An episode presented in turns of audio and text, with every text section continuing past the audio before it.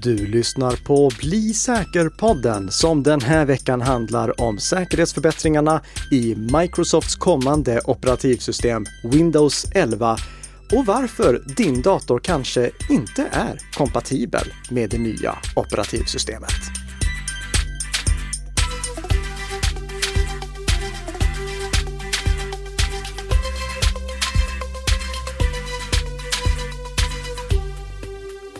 Ja, god morgon, god morgon Tess. Men god morgon, god morgon Nicka. Hur är läget med dig idag? Jag är irriterad. Va? Varför det? För att det är någon som borrar här i huset och vi hittar inte vem det är. Det är faktiskt sant, jag Ja. håller med dig. Men jag, jag hoppas att vi slipper borrljud i den här inspelningen av Bli säker-podden som produceras i samarbete mellan Nika Systems och Bredband2. Mm. Veckans snabbisar, det ska vi såklart börja med innan vi går in på veckans huvudämne om Windows 11. Och den första saken som jag tänkte ta upp, det är att ehm, du vet e-box, den här digitala brevlådan, Mm. de har slarvat en hel del med säkra anslutningar. Jaså? För om vi backar tillbaka till april, då skrev jag en artikel om att eh, det florerade falska mejl från eh, Skatteverket med anledning av deklarationstiderna. Vi pratade nog om det här i podden också. Mm. Och då tipsade jag om två stycken digitala brevlådor som jag uppmanade våra lyssnare att eh, skaffa, antingen Kivra eller min myndighetspost. Men jag nämnde inte e-box. Och e-box är ändå störst på eh, digitala brevlådstjänster i Norden och de har enligt sig själva över 3 miljoner svenska användare. Så varför nämnde du inte dem? Jo, på grund av att när jag gjorde lite research för den artikeln, då upptäckte jag att de slarvade oacceptabelt mycket med säkra anslutningar. Till exempel, de har flera olika registrerbara domäner. De har ebox.com, ebox.se, ebox.dk och så vidare. Och certifikatet som var utfärdat för ebox.se var inte giltigt för den domänen.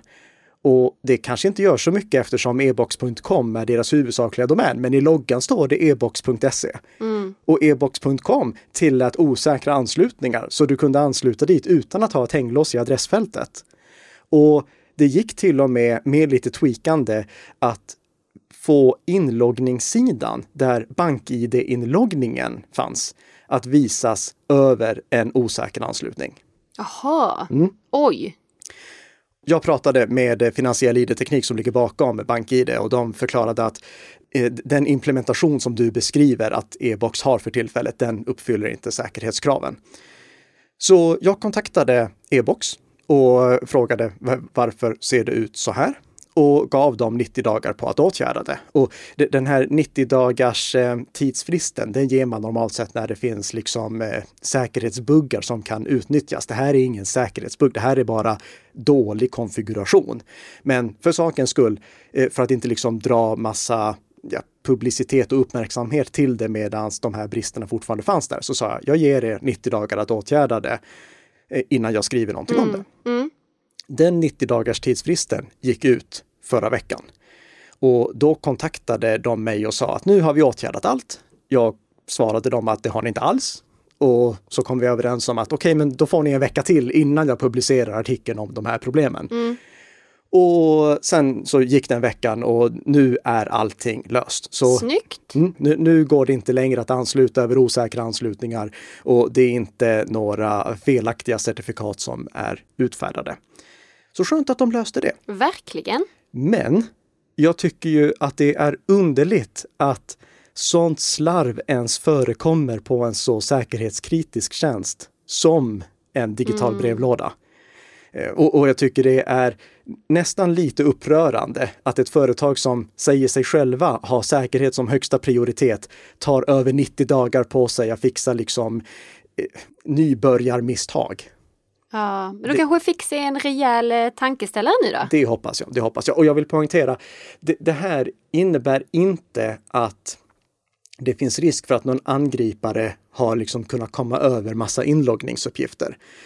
Det som möjligtvis skulle kunna hända när det slarvas på det här viset är att någon som har varit utsatt för en riktad attack, alltså där angripare verkligen har velat komma åt en specifik person, om han eller hon besökte e-box webbplats över en osäker anslutning på ett eh, nätverk som angriparen kontrollerade och användaren struntade i att det, det, inte fanns ett hänglås i adressfältet, då kan en angripare ha bytt ut information som visats. Till mm. exempel för att få offret att eh, ja, initiera en eh, bank-id-loggning på en helt annan sajt och sen eh, godkänna den så att angriparna kommer in. Så det ska väldigt mycket till? Det är väldigt osannolikt ja. att någon har drabbats av det här överhuvudtaget. Det anmärkningsvärda är att sånt slarv förekommer, mm. för det ska inte ens vara möjligt att sådana attacker kan ske. Men eh, jag, jag, får egentligen bara säga att eh, det här, det förändrar inte vår rekommendation. Använd en digital brevlåda. Det är säkrare än e-post. Det är säkrare än eh, vanliga pappersbrev. Så mm. använd en sån. Men kom ihåg, i och med att till och med så stora organisationer som e-box slarvar med säkra anslutningar. Kolla alltid så att det finns ett hänglås i adressfältet innan du loggar in. Oavsett om vi pratar om BankID-inloggning eller lösenordsinloggning. Kolla att det är rätt adress du loggar in på och att det finns ett låst hänglås i adressfältet. Och använd hellre mobilt BankID än bankdosa. För om en angripare skulle försöka lura dig att godkänna något annat än det du har tänkt, då ser du det i din mobiltelefon. Informationen som visas i din mobiltelefon i BankID-appen, det kan inte en angripare förfalska. Inte ens om du mm. försöker logga in på en osäker eller över en osäker anslutning någonstans. Så använd hellre mobilt BankID än bankdosa, för då ser du svart på vitt vad det är du godkänner. Så slutet gott för e-box i alla fall. Jag tänker att jag fortsätter lite nu här på för, ja, lite goda nyheter. Mm. För att under förra sommaren så gick Google ut med sina planer om att organisationer ska kunna använda något som kallas för BIMI, det vill säga Brand Indicators for Message Identification, med förhoppning att minska antalet bedrägerier och nätfiskeförsök via Gmail. Och om några veckor så kommer detta bli verklighet. Google meddelar nämligen nu att eh, Gmail, de har fått stöd för BMI. Och för en Gmail-användare så innebär det i praktiken att mail som kommer från organisationer och som använder sig av BMI visar företagets logga istället för den här gener generiska ikonen som visar vem som är avsändare i ett e-postmeddelande. Och på så sätt så går det då att skilja verifierade organisationer från andra. En förutsättning för eh, organisationer ska kunna aktivera det här så är det att de behöver autentisera sina e-postmeddelanden med SPF eller DKIM och ha D-mark.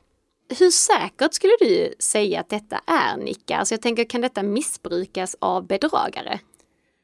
Jag får först och främst säga att ehm, just målsättningen att få alla organisationer som mejlar att använda D-mark, det är det vi egentligen vill komma åt. Mm. SPF, bara kortfattat, SPF det är en simpel lista över vilka servrar som får mejla från ens domän. Så den som äger en domän, en registrerbar domän, kan kontrollera vem det är som får mejla från den. Mm. DKIM det innebär att utgående mejl signeras så att mottagande e-postserver som har stöd för att verifiera DKIM-signaturer kan säkerställa att mejlet faktiskt kom från den avsändaren som det står, att den avsändar domänen. Och eh, D-mark det är en policy egentligen som beskriver vad mottagande e-postserver ska göra ifall inte SPF eller DKIM stämmer överens med det som kontrolleras. Så om ett, en bedragare försöker mejla från en domän som bedragaren inte får mejla från, mm. då, då berättar D-mark vad ska den mottagande e-postservern göra med det mejlet i eh, Nika Systems D-mark policy, då står det att om du får ett mejl som inte kommer från någon av de e-postservrar som vi har godkänt eller inte har en godkänd signatur, avvisa mejlet. Alltså lägg det inte ens i skräpposten utan bara avvisa det rakt upp och ner. Ja. Så det är det vi vill komma åt.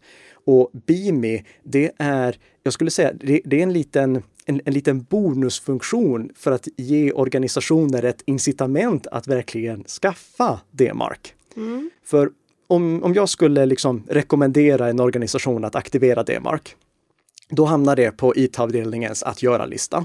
Mm. Och den är väldigt lång. Förhoppningsvis hamnar det högt upp, men jag, jag kan liksom inte veta hur högt upp det hamnar. Nej. Men om jag säger till marknadsavdelningen att kolla här, ifall ni bara aktiverar Beamy, då kan ni få ert varumärke synligt i inkorgen på Gmail och på andra e-posttjänster som använder den här lösningen som kommer bli de facto branschstandardlösning. Mm. Idag finns det olika lösningar för det, men det kommer liksom bli de facto branschstandardlösning. Det är vad jag tror. Då kan jag säga till, eh, till marknadsavdelningen, det enda ni behöver fixa det är de här små detaljerna också, men det, det fixar er IT-avdelning garanterat åt er så att ni får er lilla logotyp där. Det vill ni ju ha. Ni vill att ert varumärke ska synas. Ja. Och då tror jag att det kan prioriteras upp lite. Absolut, absolut. Ja. Det tror jag också. Så jag är mycket glad över att eh, Gmail anammar Bimi och hoppas att eh, fler följer på samma tåg. Mm. Och sen har det ju varit vår kära tisdag, specialtisdag. Mm, det har varit patch-tisdag. Mm. Den här patch-tisdagen, den var inte jätteintressant för liksom vanliga användare. Den var väldigt intressant för systemadministratörer med anledning av en, ett problem som Microsoft har försökt åtgärda flera gånger och misslyckats med. Men för vanliga användare så var den inte speciell. Microsoft de åtgärdade 117 stycken sårbarheter varav 13 var klassade som kritiska. Bleeping Computer rapporterar att eh, av de här 117 sårbarheterna så var det nio stycken zero days, fyra stycken stycken av dem hade redan setts i aktiva attacker. Och det innebär ju då mm. att alla lyssnare ska se till att installera de här säkerhetsuppdateringarna snarast möjligt. Adobe åtgärdade 29 stycken sårbarheter, varav 22 stycken var kritiska. Firefox kom för övrigt i en ny version också på patch-tisdagen. Det hade ingenting med patch-tisdagen att göra. Men Nej, det, kom det var en liten bonus. Ja, precis. Mm. Och det förbättrar det här endast HTTPS-läget som vi har rekommenderat att man har påslaget och gör att eh, Windows-versionen av Firefox från och med då uppdateras automatiskt i bakgrunden. Så mm -hmm. var sjunde timme kollar eh, Firefox ifall det finns en ny version och installerar den automatiskt så att man slipper tänka på det här. För jag misstänker att det har ofta hänt att du har startat en av dina webbläsare som du inte använder så ofta och så märker du att eh, okej, okay, jag måste direkt installera en uppdatering. Absolut, absolut. Ja. Men det slipper Windows-användare som har Firefox mm. från och med version 90, så grattis till er! Och mer information om Windows, det kommer nu, för nu ska vi prata om nästa stora version av Windows, Windows 11, efterföljaren till Windows 10. Och nu har du ju verkligen grottat ner dig i det här Nicka. Det har jag sannoliken. Och den första saken som eh, jag vill besvara det är frågan, men skulle inte Windows 10 vara den sista versionen av Windows? Just det. Mm. För det, det, har jag ju sagt hela tiden, att eh, Windows 10 är den sista versionen och Windows 10 uppdateras två gånger per år. En gång på våren och en gång på hösten. Det finns de som har sagt att Microsoft själva har aldrig påstått det, att det är bara någonting som teknikjournalister har sagt. Mm. Men nej, eh, det är Jerry Nixon som eh, hade ett tal på eh, Ignite 2015. Det är en utvecklarkonferens för, eller egentligen både utvecklarkonferens och branschkonferens. Han sa där att Windows 10 blir the last version of Windows. Så, mm, det finns där liksom. Det, det finns mm. en Microsoft-representant som har sagt det. Sen så kan man ju då fundera, okej, okay, hade han rätt att påstå det? Mm. Eh, eh, men i och med att det blev sådana, rubri eh, sådana rubriker, att det här var den sista versionen, hade Microsoft inte föreställt sig det, då hade de ju gått ut med en korrigering. Absolut. Och sagt att nej men Jerry menade the latest version of Windows eller någonting sånt, mm. inte the last version. Så Microsoft, de jobbade enligt att det här är den sista versionen av Windows som bara kommer uppdateras med nya versioner två gånger per år. Men så var inte fallet. Nej. För vi såg ju ganska snabbt att den här underhållsmodellen med två nya versioner per år, den höll inte. De lyckades släppa nya versioner under de första åren. Men sen så blev det ju mer och mer bara små uppdateringar så som vi har sett under de senaste halvåren. Mm. Att det inte blir liksom nya stora funktionsuppdateringar. Jag tycker väl i sig att det gjorde inte så mycket för det var ingen som ville ha två versioner av Windows varje år. Och det vi ser med Windows 11 nu, det är att de går de, de lugnar ner sig. Med Windows 11, då blir det en uppdatering per år. Precis som med Android och precis som med MacOS och precis som med iOS. Vi får en uppdatering per år istället. Mm. det är lite mer lagom tycker jag. Ja, det låter klokt. Det kan göra det lite lugnare för Microsoft-utvecklarna också. Det här innebär inte att eh, Windows 10 försvinner, för Windows 10 kommer fortsätta att underhållas åtminstone fram till den 14 oktober 2025. Minst en av de här halvårsversionerna av Windows 10 kommer underhållas fram till dess. Och vi kommer få åtminstone en till version av Windows 10. Vi kommer få en version i höst som heter Windows 10 21H2. Den är redan liksom under testning, så den vet vi att kommer. Men vi vet inte ifall det kommer en till Windows 10-version i vår eller ifall Windows 11 då har ersatt helt och hållet. Mm. Jag har eh, kört eh, Windows 11 nu i några veckor. Eh, min gode vän Alice, hon lyckades till och med få tag i en förhandsversion innan det ens var släppt. Så typiskt Alice Så va? typiskt Alice alltså. Hon kunde inte hålla sig, så hon laddade ner den här versionen som läckte för att kunna börja testa lite i förväg. Och jag- delar då med mig också lite av de saker som min påhittade vän Alice har berättat för mig. Men nu, så kör ju då både jag och min påhittade version, eh, min påhittade vän Alice, den betaversion som är publikt släppt av Windows 11 och som våra lyssnare kan testa också ifall ni vill det. Jag rekommenderar dock inte att man kör den betaversion som finns av Windows 11 på sin primära dator. För även om jag får säga den är förvånansvärt stabil så finns det fortfarande lite buggar. Men man kan testa Windows 11 ifall man vill göra det innan det släpps eh, liksom officiellt nu i höst. Och Windows 11, det är framförallt en vidareutveckling av Windows 10. Det är liksom, det är en, en påbyggnad och tweakning av Windows 10. En av de största utseendemässiga förändringarna, det är att eh, Microsoft har börjat implementera Fluent Design som är deras nya design och formspråk. Det är gjort med lite snyggare animationer och mycket är lite större så att det ska vara pekvänligare. Ah, Men du hörde att jag sa att de har börjat. ja, precis. Och det här, alltså, jag är så, så ledsen för att det de har gjort, det är snyggt. Men det är ju inte i närheten av att vara färdigt. Alltså inte på långa vägar. Men hur menar du då? Alltså som vadå liksom? Det, det, när de släppte Windows 10, då sa de ju att de skulle fortsätta liksom uppdatera Windows 10. Och jag, jag tänkte att okej, men då efter några månader eller efter, några halvår, då kommer gamla kontrollpanelen vara borta. Då kommer allting vara i den nya inställningar-appen. Och de kommer ta bort alla de här gamla dialogrutorna som är kvarlevor sedan Windows 95. Alltså till exempel inställningarna för skärmsläckaren. Den är kvar sedan Windows 95. Det är till och med bild på en tjock skärm där i. Oj!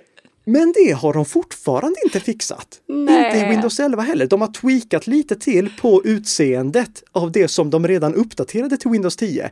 Men resten ser likadant ut. Och de, nu, är det alltså en blandning av Windows 11s Fluent Design eh, Windows 10 Modern UI slash eh, Metro UI som de hade i Windows 8 en hel del kvarlevor från Windows 7, några kvarlevor från Windows XP och sen har vi då några av de här riktigt djupa inställningarna som är kvar sedan Windows 95, 98, Windows NT4-tiden. Men det kanske är för de som är så här nostalgiska.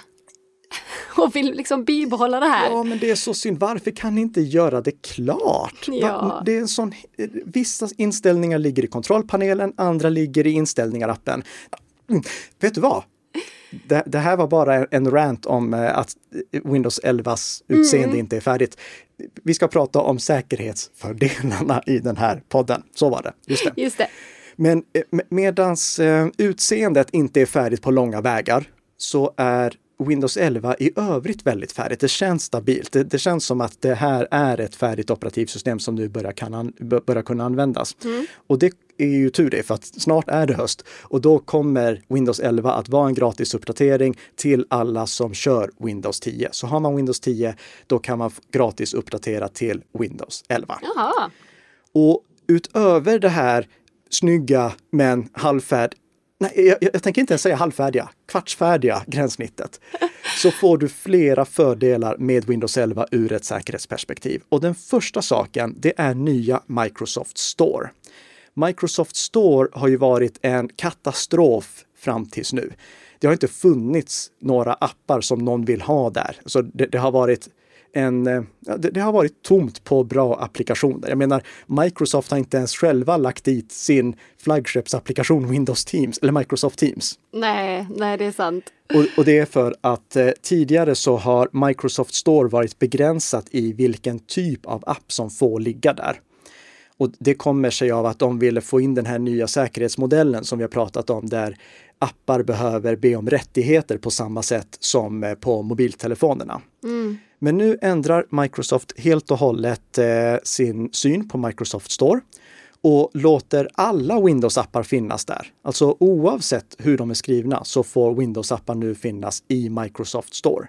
Okay. Och till skillnad från till exempel eh, Apples App Store där Apple tar mellan 15 och 30 procent av allting som köps därigenom i digital form, alltså digitala tjänster eller digitala appar, så tar Microsoft bara 12 till 15 procent. Mm. Och de låter till och med de utvecklare som vill ha en egen betallösning använda den. Så att de inte behöver betala någon royalty till Microsoft. Okej, okay, det var ju schysst. Ja, det, det, håller jag med om. Och det här gör att de redan har fått med sig flera stora utvecklare på tåget. Så till exempel Photoshop, Indesign, Illustrator, de här apparna som du och jag använder mm. på daglig basis, de kommer finnas där. Microsoft Teams kommer finnas där, Visual Studio kommer finnas där. Så det, det blir mycket bättre. Det som jag funderar lite på, det är vi förlorar ju då den här möjligheten att eh, styra rättigheter som tanken var ursprungligen. Men den hade egentligen redan fallit i och med att appar kunde begära alla rättigheter och så mm. fick de det. Så det, det, kan vi bortse ifrån. Men jag funderar på, kommer Microsoft att granska de här apparna? För det är ju också en av poängerna med en appbutik, att det finns någon som har granskat dem, eller i alla fall gjort en okulärbesiktning inom citationstecken. Ja. Om inte så är fallet, då finns det ändå en fördel med att appar samlas i Microsoft Store. Och det är att då finns det ett ställe där apparna enkelt kan uppdateras och det går att lämna recensioner. Och om granskningen av apparna försvinner, vilket vi får återkomma med, för vi vet inte hur det blir där än.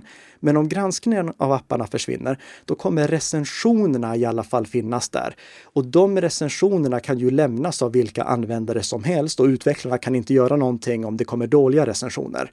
Så det är någonting som ändå kan hjälpa till att eh, få användare att inte installera riktigt, riktigt dåliga appar. Sen är det faktiskt en liten överraskning här i också, nämligen möjligheten att köra Android-appar. Den hade jag inte väntat Jaha, mig. Nej. Så med Windows, då kan man från och med Windows 11 då köra Windows-appar, du kan köra Linux-appar och du kan köra Android-appar. Så det börjar bli liksom... Wow, de öppnar verkligen upp här alltså. Ja, mm. Inte gamla Microsoft så som vi är vana vid. Systemkraven, de är dessutom ganska låga. Det räcker med en tvåkärnig 1 GHz processor, 4 GB RAM-minne, 64 GB lagring och en 720p-skärm. Det här är alltså jättelågt med moderna mått mätt och datorer från 2005 eh, uppfyller de här kraven. Liksom. Det, är, mm. det är väldigt lågt ställda krav. Och det är kul att se. Men det finns några krav som gör att ändå inte så gamla datorer fungerar. Och den första saken, det är att datorn måste ha stöd för Secure Boot.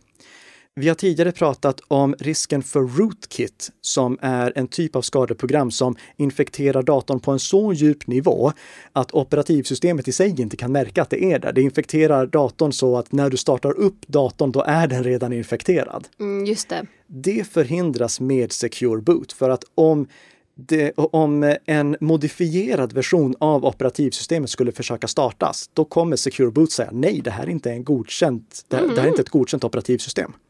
Så det förhindrar att man kör en djupt infekterad version av Windows och det måste finnas på plats. Secure Boot finns på många datorer redan idag, men från och med Windows 11 så blir det ett krav. Om Secure Boot är avslaget på en dator som är kompatibel, då kan man slå på det från UEFI-inställningarna, alltså det här som tidigare kallades BIOS-inställningar. Mm. Då kan man gå in och slå på det där. Okay. En annan sak som måste finnas, det är en så kallad TPM eller en eh, Trusted Platform Module. Vi har tidigare pratat om TPM när vi har pratat om BitLocker, alltså Microsofts lösning för att kryptera hårddiskar. För att ifall man vill slippa knappa in ett långt lösenord varenda gång man startar datorn, då behöver man en sån här liten TPM på sitt moderkort eller inuti processorn. Det är en liten, liten kryptoprocessor som är gjord bara för att hantera säkerhetskritiska funktioner. Till mm. exempel hålla reda på hemligheten som krävs för att låsa upp datorn. Och eh, en sak till. Du vet, i förra avsnittet då pratade vi om eh, att det var svårt att få fram slumpmässiga nummer. Ja. I en TPM så finns det också en eh, hårdvarubaserad slumptalsgenerator. Jaha! Mm. Där ser man. Så det, det, är liksom, det är någonting som är bra att ha i en modern dator. Och igen, det är någonting som finns i många datorer.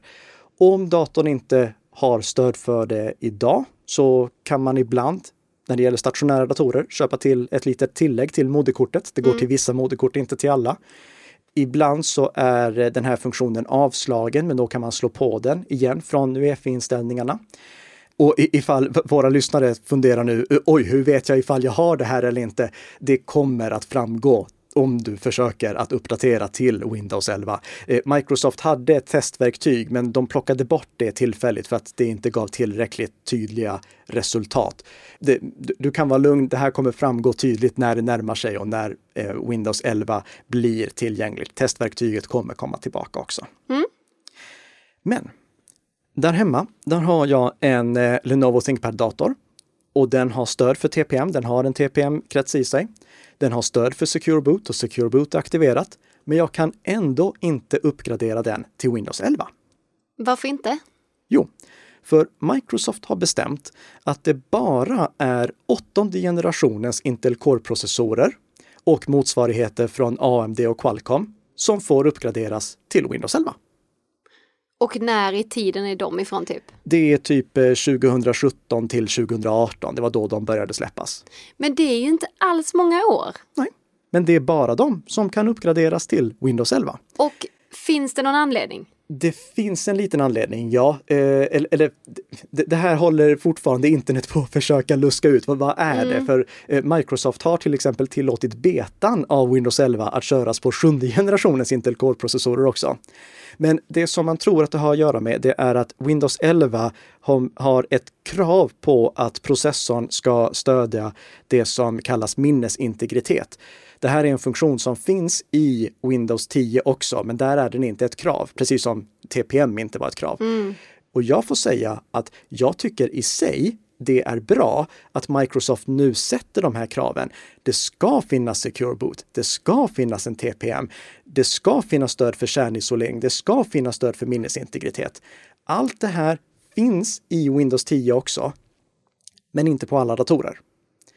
Mm. Så nu när Microsoft sätter ner foten då gör det att om, det, det liksom, om allt det här är krav, då kan vi på ett enkelt sätt säga att ja, du bör välja en Windows 11-dator för att den är säkrare. Mm. Och det, det, här det har Microsoft till och med plockat fram statistik på. De konstaterade att när, är, när de jämför en dator som har kärnisolering och minnesintegritet aktiverat, då var det 60% färre rapporter om infektioner som kom in till dem via Windows Defender, deras antivirus eller deras klientskydd, mm. jämfört med datorer som saknade det. Så de har liksom bevis på att det här är faktiskt någonting som skyddar datorn. Mm. Men om de har det kravet, då vill jag ju också att de förlänger underhållet på Windows 10. För tänk dig att du köpte en dator 2016 eller 2017 och den slutar underhållas när Windows 10 är planerat att gå ut, det vill säga 2025. Mm. Det är Alltså, då börjar Microsoft inte bara efterapa Apples gränssnitt utan också Apples undermåliga underhåll av gamla datorer. Ja, precis. Microsoft som har varit så duktiga på att underhålla datorer länge. Jag tycker det vore jättesynd ifall de frångår det nu mm. och liksom bara börjar underhålla datorer i åtta eller nio år. Verkligen, inte minst utifrån ett miljösynpunkt. Ja, precis. Men allt det här, det är sånt som vi får se hur det artar sig. Microsoft håller fortfarande på att testa Windows 11 tillsammans med betatestare.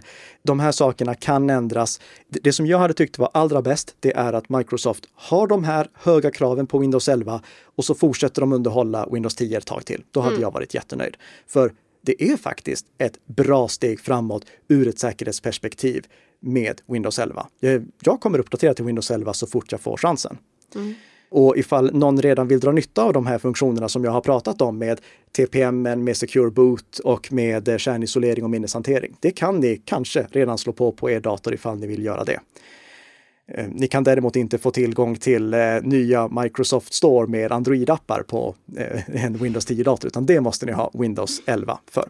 Men vi kommer att fortsätta att övervaka vad som händer kring systemkraven och säkerheten i Windows. Vill ni hålla er uppdaterade så finns det ett väldigt lätt sätt att göra det och det är att trycka på prenumerera på Bli säker-podden i er favoritpoddspelare. För då får ni redan nästa vecka ett nytt avsnitt av Bli säker-podden som gör dig lite säkrare för varje vecka som går. Tack så mycket för att du har lyssnat.